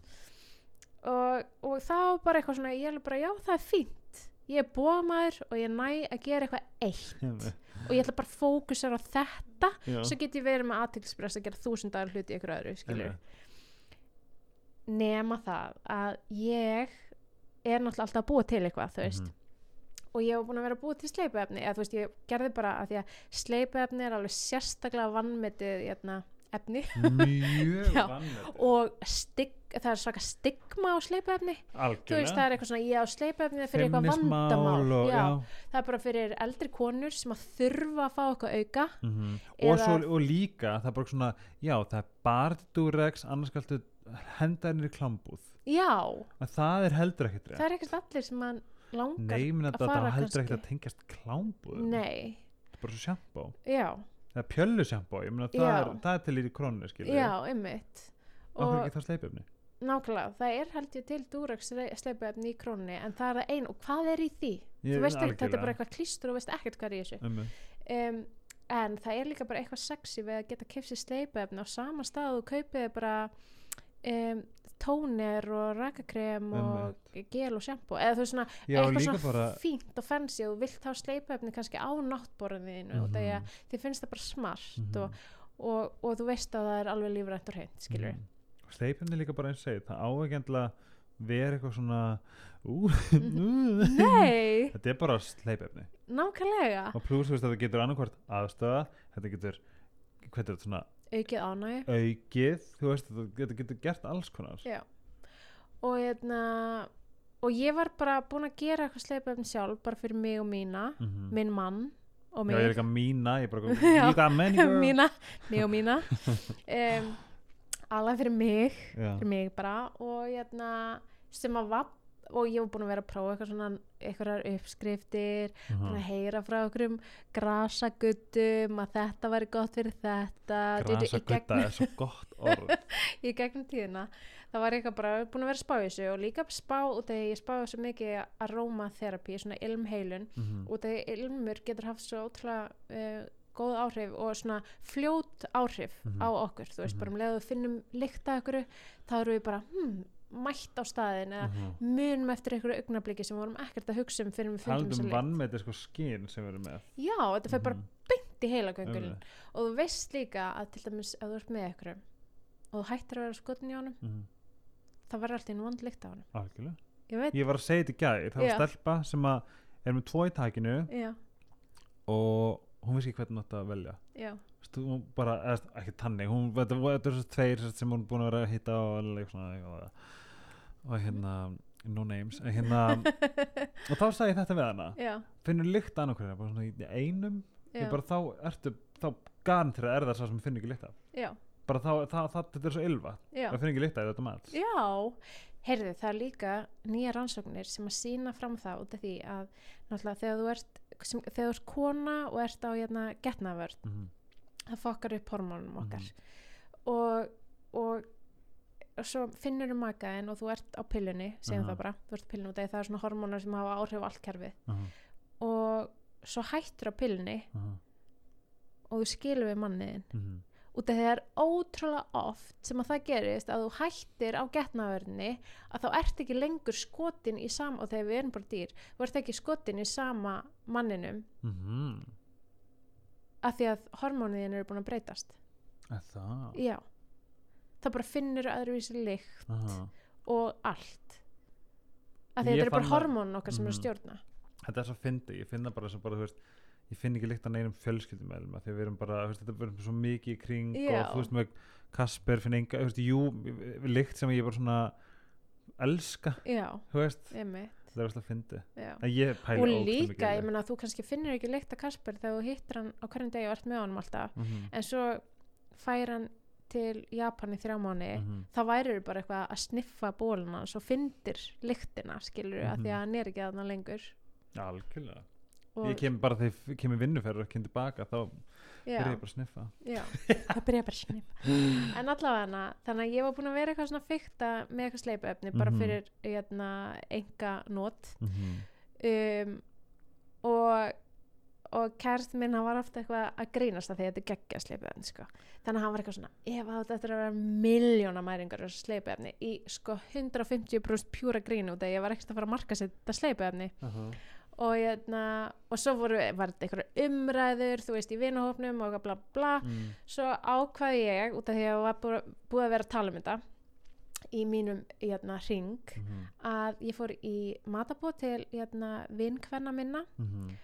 og gaf þeim öllum sleipuefni bara svona Mm. upp á djókið þú veist, bara, þetta var mjög uh, hratt á hendi í einhverja krukkur sem ég átti og gerði bara sleipuefni handa þeim öllum Mhm. Og tók myndaði að því að krukna voru úslega fínar tók bara myndaði og gemdi það og svo Var ég vinkunhópur sem varst með í köpen? nei, eða, Nei. jú, eða þú Það- veist já, það er ein hún býr nú reyndar í París núna og svo ok. var vinkunum minn sem bjó í köpunu býr núna í Íslandi Yeah. og kærastan hennar og hérna hann ég gaf þú veist en það var svona í testi Mhm. hjá bæði einhleipu fólki Mhm. samkynniði fólki Mhm. og gagkynniði fólki Mhm. og þetta var test vissulega Mhm. en alveg ómeðvitað um, og og hérna og svo voru þær bara allar rosa glaða með þetta og allir Sko eitt sem ég langar að segja að það sem mér fannst hálf magna eru skilabáð sem þú ert búin að fá á Instagram ég veit það er, það, veist, það er eitt að fólk segir já þetta er bara mjög gott já og líka vel." bara ef eitthvað En- vinkunum mín að segja eitthvað já þetta er æðislegt hjá þér. En þetta bara fólk er svolítið að bilast yfir þessu. Ég veit það er bara svolítið eins og að er bara með það sem þú búin að setja inn maður er bara svona ok þetta er alveg hellað review. Já, ég það veit er það, ógæslega magna og talandi um stigmað ég þurfti alveg að hugsa mig um í svona tvo daga. Hvort að þú vilja tengja sleipefni. Nei, hvort að, nei, hvort að ég ætti að se, hvort að fólk gerði bara eitthvað offended. Já að ég er eitthvað svona, ó, ég gera veist, og ég set fyrir allar meina bót þá setja ég reviews reglulega. Og það er bara fólk eitthvað, já ég er bara búin að vera með þurrkublætt og öxum og það er farið, skilur Já. eitthvað svona ógislega ósexy, en fólk eða til í þetta skilur en einmitt- svo kom bara eitthvað maðurinn minn fekk raðfullnægingu og mér leiði ótrúlega vel í píkunni. Já. og þá var ég bara, ó nei, ég get ekki sett þetta ég tvekja bara móður fólk á eftir að styrlast úr neyksli mér fannst þetta svo hressandi. Mér líka, og svo Já. var ég eitthvað svona, heyrðu, ég hættu að seima þetta ef að þú ert hérna að normalisera sleipuefni, já, hætt þú að vera eitthvað tebra og posta þessa fucking story, þetta er bara nafnlaust, ég er ekki að skrifa þetta, er bara fólk sem er að upplifa eitthvað og þeir eru að nota vöru sem ég er að gera og take it or leave it, skilur. Vá, en þess að þetta er bara, þú veist, menn hafa verið að fá raðfullnæðingar. Nei, ég held nú reyndar hún hafi fengið raðfullnæðingu og hann fekk bara kröftuðustu fullnæðingu ársins það? já og, og annar strákur sem sendi mér hann sagði eitthvað, já, fannst það fyndið Já. að þetta væri eitthvað svona jötna, að auka þú veist, performance Já, og var eitthvað svona, já, já, Eva flott hjá þér að, að skrifa eitthvað á blað, skilur já, já, já. en það er að gera það, það? já, ég þú veist, þetta eru bara jurtir sem eru búin að vera notar sem svona aphrodisiacs Emmi, í gegnum aldir emmi. þannig að ákverju ekki og líka bara geði sexy að sé góð lykt Mm þau ert að Og stunda þetta sé ekki bara svona klístrað, hérna. já, og svo, þú veist þannig að þú ert að fá góða lykt þú ert að fá óksla mjúka og þægilega hérna, Áferð. áferð og þú ert að fá smá hita, smá kulda og smá kýll Ú, nei, alvörinni en svo var það svo fyndið og það ég, ég ákvað síðan eftir þetta matabóð þá sett ég og það ég, ég tók svo fína mynd af þessu. Mhm, ég var ekki að hugsa um þetta neitt svona uh, upp á eitthvað markasetningu, þetta var mjög random. Mhm, að ég ákvað að setja krukkuna eða myndin á krukkunum á Instagramum mitt og sagði bara sleipefni, jólagjöfin í ár. Mhm. í bara djóki, Mhm. þú veist og þá hefði fréttablaðið samband við mig og var eitthvað svona sleipefni, jólagjöfin í ár, er það ekki frétt? og ég eitthvað, jú, svo sannarlega. Já. og hugsaði svona, yes, ég er að fá hérna, smá free marketing fyrir Já. kremið mitt veist, allar meina bót. Og þegar ég, ég held veginn að fólk þyrfti ekkert á hérna, sleipefni halda.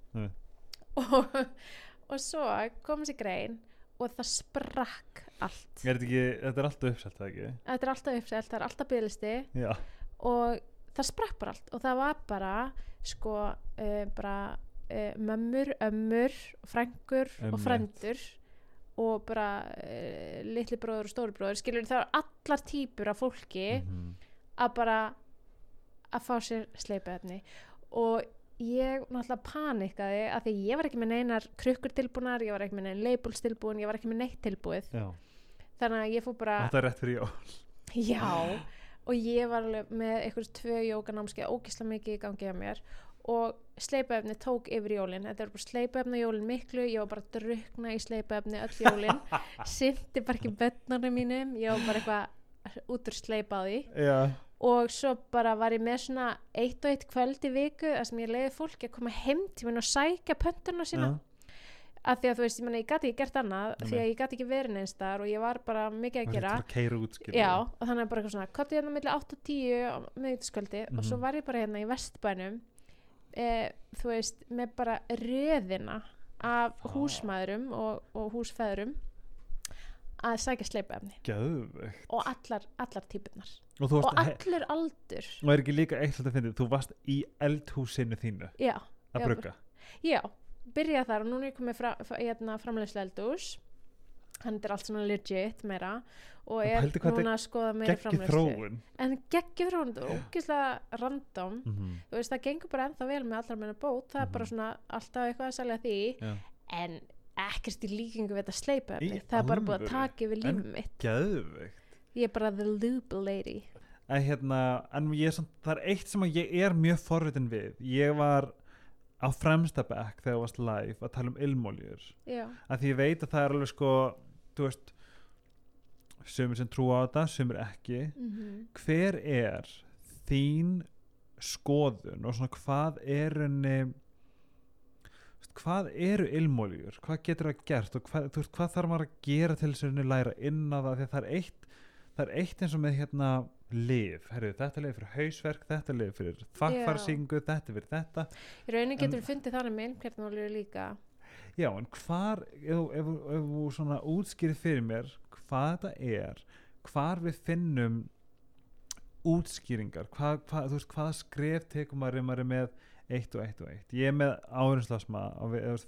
svona árinslasma verðina ég þarf að, að ég nota ekvalyptus mm bara allstaðar og það hefur ángríns virkað sem komir páránlega mikið óvart og það er fullt af blöndum með alls konar já, sem er eru bara sérstaklega fyrir öndunafæri Já, en hvað er svona, ef þú sagt mér frá bara á, svona, á, í, á fimm minna tímarama, þú veist, hvað er ilmóljur, hvað, hvern, veist, hvernig snúa okkur að þeim, hvað er að gera, hvernig getur notað þér, sko, ilmkjarnóljur er í rauninni bara um, lífsorkan og safin úr plöntunum. Þú veist, það er bara akt, það er svona aktivasta innihaldsefni úr plöntunum. Það er bara það sem að held, koncentrata það er sem að heldur plöntunum á lífi og allar ilmóljur hafa bara tíðni eins og plöntur og eins og allt hefur tíðni skilur við líka. Um, og og það er mjög mikilvægt að ilmkjarnóljur og ilmkjarnóljur er ekki það sama. Er ilmóljur og, ilmkjarnóljur eru Já. ekki það sama og þegar það er ilmkjarnóljur er náttúrulega bara e, plöntulif sem hafa verið notað þetta var einu lifin okkar Já.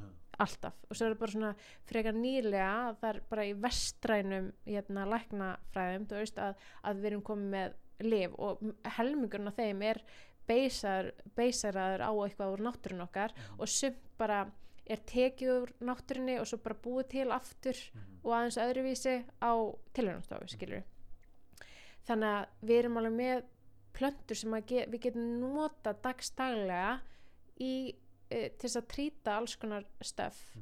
Um, í staðan fyrir að fara kannski að taka lif eða verketöflur eða eitthvað það er alveg mjög eh, gott að geta notað eitthvað sem er 100% náttúrulegt í staðin og en út af því að þú veist, núna er bara lifum við í þannig heimi að allt er ókslega flókið og ilmkjarnaoljur lúta undir sömu reglugerðum og svona og ilmvött, þú veist, bara svona hér er einn heimur og hann er ilmandi Já. og þá er bara sömu reglur fyrir það Já. þannig að þú mátt segja ef þú ert ilmkjarnaolju framlegandi þá þarf bara að vera 5% að hreitni ilmkjarnaolju í flöskunni segjum að það sé bara 50 ml flaska og bara 5% af því er hrein ilmkjarnaolja og hitt er bara uppfylla efni en þá máttu samt segja að þetta sé 100% hrein ilmkjarnaolja ah. sem er algjörst svind því þá ertu að fá bara diluted effect og þetta er skilurðu. saman líka með allt organic bara svona að hafi, hafi hugan að því það þarf bara að vera þrýr drópar á einhverju organic shiti í vörunum ykkar Já. þá er þetta certificate þess vegna er organic svo mikilvægt að lesa öll label og ég man eftir að mér, mér sagt þetta sko 2011 þegar ég förðunan á mig Já. Eftir það þá ég bara lífið er scam Ég veit það, en ég menna að þetta snýst allt um bara peninga og eitthvað. Þannig að til að byrja með það er bara mjög mikilvægt að vita og sért með alveg 100% treyna þerapeutiska kernolju og til þess að vita það þá verður bara að hafa samband við mig af því að þetta er bara óslaflóki. Eva Döggrúnars á Instagram Já. Og ég nota bara Young Living hérna, ilmkjarnoljur af því að ég veit að þær eru alveg hreinar og þerapeutiskar og svo verður maður svolítið að fylgja innsæðinu sínu, þú veist maður getur alveg byrjað að prófa þessu áfram, skilur, þú ert bara búin að finna að ekoleptis virkar ótrúlega vel fyrir þig. Og svo kannski prófa ég það, það virkar ekki alveg vel fyrir mig en ég finna alveg eitthvað mun en svo kannski bara citronella miklu betra eða eitthvað, þú veist. Og hérna, þótt að ekoleptis er bara rosalega gott fyrir öndrunarfærin almennt þannig að um, já, og svo er maður þarf maður eiginlega bara að prófa þessu áfram en það er náttúrulega rótala mikið, þú veist, þú veist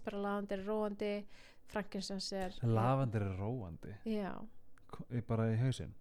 Já, bara róandi ég og elska lavendur já, ég ég á alltaf lavendur, tea tree og já, frankinsens og love blend sem sýtir um mitt.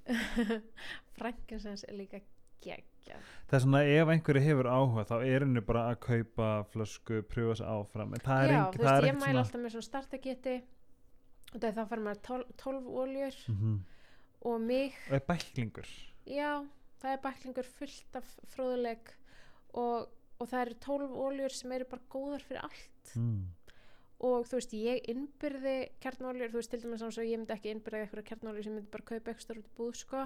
þetta er En- tunguna bara Já, ég set bara, set pipmyndu á hendina og sleiki eða bara upp munnin, mm. set þýf sem er svona ónæmistyrkjandi blanda bara undir tunguna og sítrónu og appusinu og greip í vatni mitt um, ég set reynt frankinsens á andlitið. Mm. það er frankinsens ég mitt í allra mennum bót.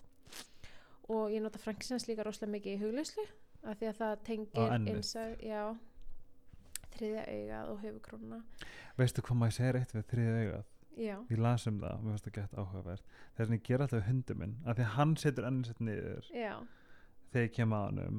Og mér líður eins og sé að byggja um að að setja þriðið auga eitthvað saman sem við gerum alltaf, við gerum það samt fimm snúm á dag. Já, ég meina pældi það er svo oft, ég meina setja svona saman ég meina hversu, hefur ekki séð fullt af svona myndum það er svona, það er svona virðing. En já, þannig að óljur getur bara notað fyrir allt sko. og er þetta eitthvað sem það segir með svo young living ef þetta er certificate good shit? Já, þau eru með jæna, merkingu sem heitir Seed to Seal sem að eh, sem sagt, um, þýðir bara það að þau bera ábyrða allir framlöslinni þú veist, þau eru ekki að kaupa frá einhverjum öðrum einmitt. heldur jæna, er þau bara setja þau fræið í jörðina Mhm. og fylgja alveg frá því að það er fræ og þannig til að komi í flöskuna Nei. þannig að þú veist alveg að það er ekki neitt auka og ég farið í heimsókna þar sem þau eru að eima Já. frankinsens, það sem er að eima sistus og myrru og þetta er bara svona það komur svo mikið óvart af því að þetta er stórt fyrirtæki Mhm. en eimingastöðunar, þú veist, ég fór til já, það sem það voru að eima í Sevilla Mhm. og þá voru það að eima frankinsens frá Sómalíu og eitthvað og þau eru bara með frankinsens og þetta eru bara, hvað er Frankensteins? það er uh, kvóða, Kvóða já Og þetta er það? frankinsens er í rauninni reykelsi já, Og- og, og sem sagt, hérna, vitringarnir já. gáfi í þessu barnu um, gullregil sem eru já, og það var frankinsens ah. og frankinsans er bara gull ígildi út af því að þú veist myrra, frankinsans og gull þú veist Mhm. það fari engin vitringur að fara að gefa ykkur að leimgjöf þeir eru allir að fara að gefa það sama ekki eitthvað svona já ég er hérna cheap vitringur og ég ætla bara að gefa það skilur þannig að hérna og frankinsans er alveg rosalega öflugt og ég Ok. set frankinsans á mig og í mig og allt Er þetta allt safe einbyrða? já, nema heitar oljur þá þarftu að, aðeins að hugsa um Ok. hvernig þú gerir En þetta er svo að segja mig ef að maður hefur áhuga þá þú veist getum bara haft samband við þig bara hei, Mhm. mér langar svolítið að kynna mér þetta já, og þá er henni bara tekur þú aðalinn undir vangin og mm Mhm. sýnir um hvað, hvað það sýnst um já spennandi mm og þetta er ógeðslega gaman mm -hmm. og st- stundum finnst fólk geta kannski svolítið flókið en það er bara svona smá en það er svona fyrsta sem ég hugsa skilur já, en svo bara kemur það þú veist, ég segi bara fáðu þér oljur, takk þær upp hafa þær ekstra sem þú sér þær Mm. og það byrjar að nota, þú veist. Okay. til dæmis sem svo Stefán kærsti minn, hann er bara mjög hjartengdur Mhm. rök hugsandi hann? típa, hann er sportryggi ah, rísandi bómaður ú, mm ég og með tungli krabba mm. ú, ok, það er gott. Já, það er svona fjölskyldu Já. fjölskyldu. Hérna, en já, þannig að e, já, hann er bara þú veist, eitthvað handbóltagaur og hann hann virkar sem svo ógeðslega góðu gaur en að segja við, hann getur hýrt hann hér. Mm. bara svona hvernig hann úðstrólar og það finna við að ég hef hitt hann. Ég veit það. Ég hafði ég bara, ég, ég tengdi ekki skilur, ég Já. veit ekki neitt. Þegar við erum saman í jóka já, við varum saman í jóka já. en klikka, Mm það er svona við erum inni hvað sem er. Já, hann er algjör stæði en hérna, já, þú veist hann notar þetta, þú veist fyrir leiki á miðsl, þú veist, ef hann er e, mittur eitthvað staðar og líka bara ótrúlega gott fyrir leiki til þess að bara fyrir andlega og líkamlega hérna e, heilsu og, og þrótt þú útskýri fyrir mig til dæmis einum dag, einn dag, einn góður ólíudagur hvernig lítur hann út, bara í gróðum dráttum.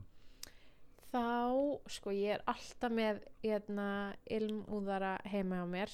Sem bý- býr þið sjálf bara?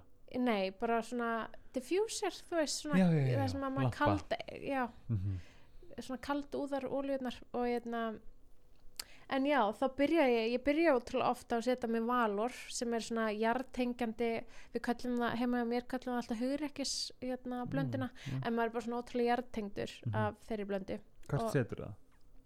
Það, ég sé oftast andaðinu bara að mér og Ok. setja hana kannski aðeins á, hérna, úliðina Mm, og hálsin, brjósti. mm, um, svo kannski já, og svo fæ ég mig sítrónu í vatnið okay. Og, hvað er það öðruvísi en vennilega sítruna? til dæmis bara það að sítrónu vatn er, þú veist, ég mæla endalust með sítrónu vatni, en Mhm. það er ekki sérlega gott fyrir glerungin á tennunum Mm. og þetta fá alveg að sama út í að setja sítrónu hérna, olju og miklu, miklu, miklu betra fyrir tennunar Mm, okay. þannig að það hreinsar alveg hérna, hreinsar alveg kerfið og Mhm. trúlega gott fyrir meldinguna virkar hreinsandi, gott að þú ert hérna, ofta að fá uh, brjósviða sveppasingar, þú veist það er bara svona alls konar Ok. maður finna það bara hjá sjálfum sér hvað mann finnst það gott Mm.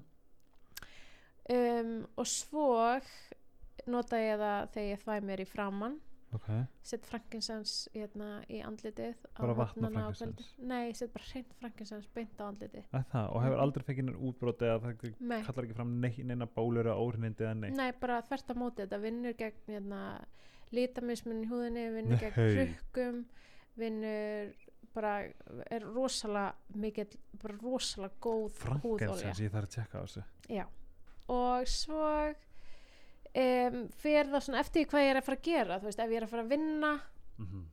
þá set ég oljur sem að skerpa aðtegli og halda mig vakandi eins og bara nú, nú er ég bara eins og aðtegli aðteglis, brestur aðteglis fókus hvað, vetver, ég nota vetver sem ylva, elska vetver. herðu mannstu völusbá Já. Lyktin og vetver Mm, ég veit ekki sem hvað vetver er, hvað er það? það er Vetver er tré. Já það er rosalega mikið jörð og það er eiginlega bara svona leðurlykt að Já, einhvern veginn. ok. ótrúlega góð. Aha. og hún er, það er búið að sé, fullt af rannsóknum. Aha, sérstaklega verið að skoða börn sem er erfitt með að einbytta sér. Aha. að nota vetver hvar?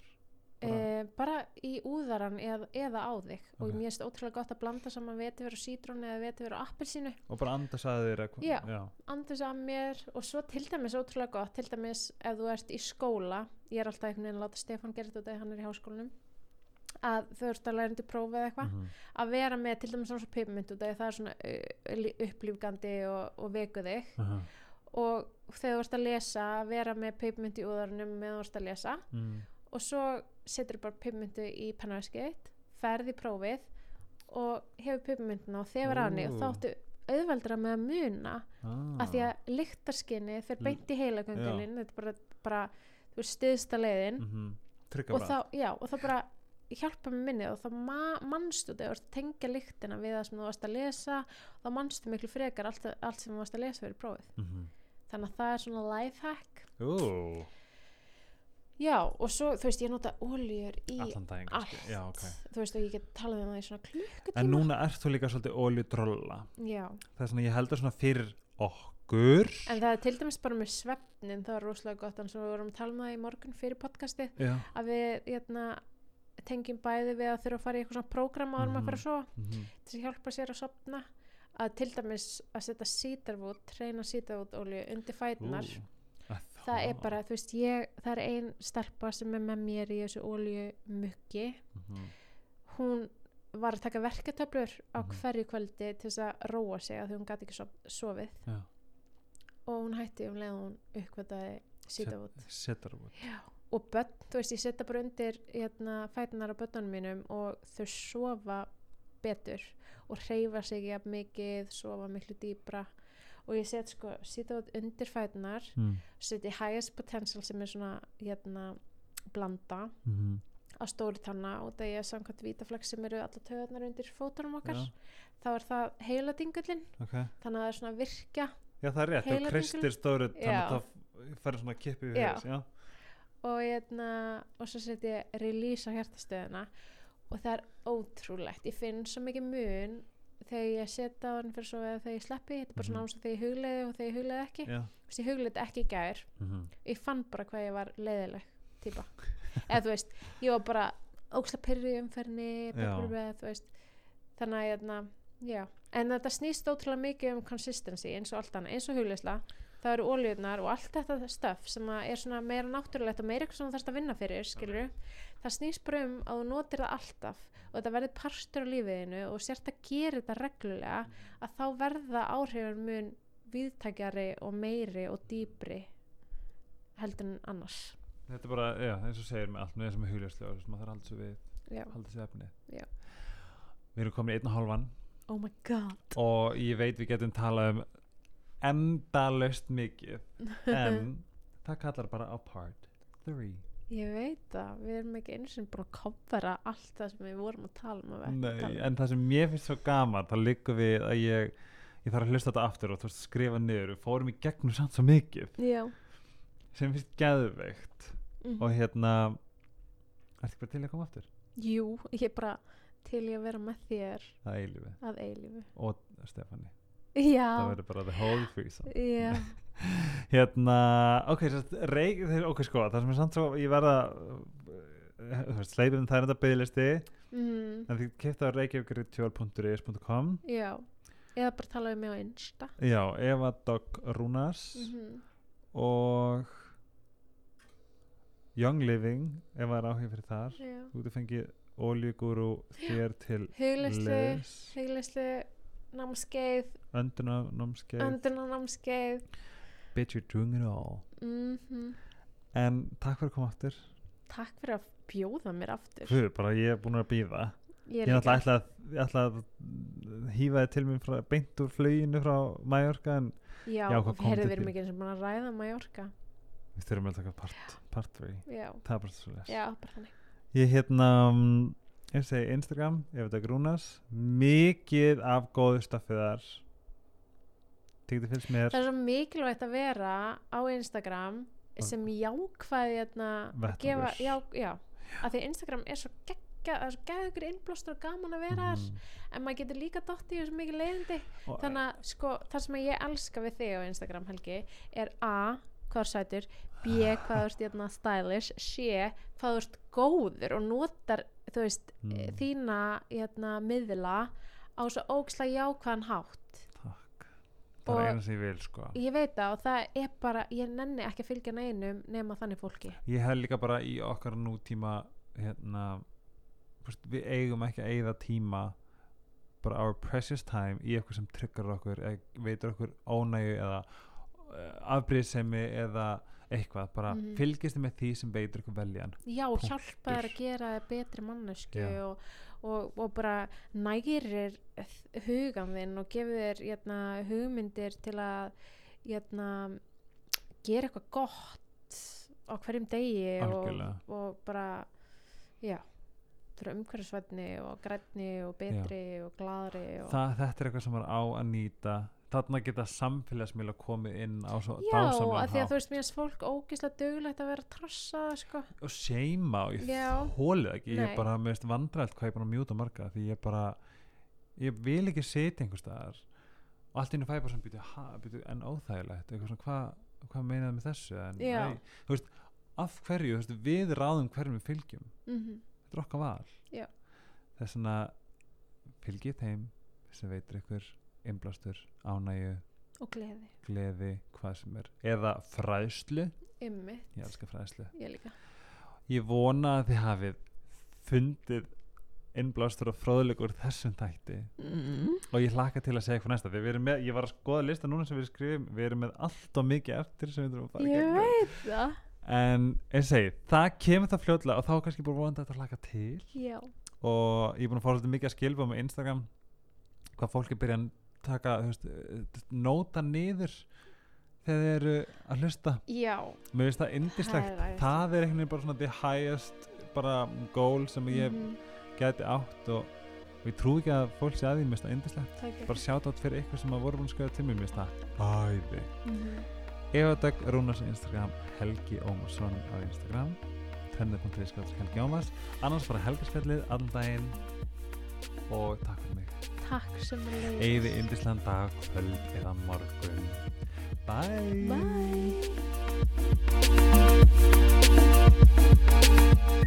Í lokin langar mér að þakka smálind fyrir stuðningin. Ég er svo þakklátur fyrir að hafa ykkur með mér í þessu. Og mæli með að skoða smáli.is þar sem eru alls konar frettir og fráleiksmólar, matur og myndaþritum og Instagramið þeirra sem er alltaf í blúsandi seiflu. Smáralind, smaralind á Instagram. Takk fyrir mig og bless bless.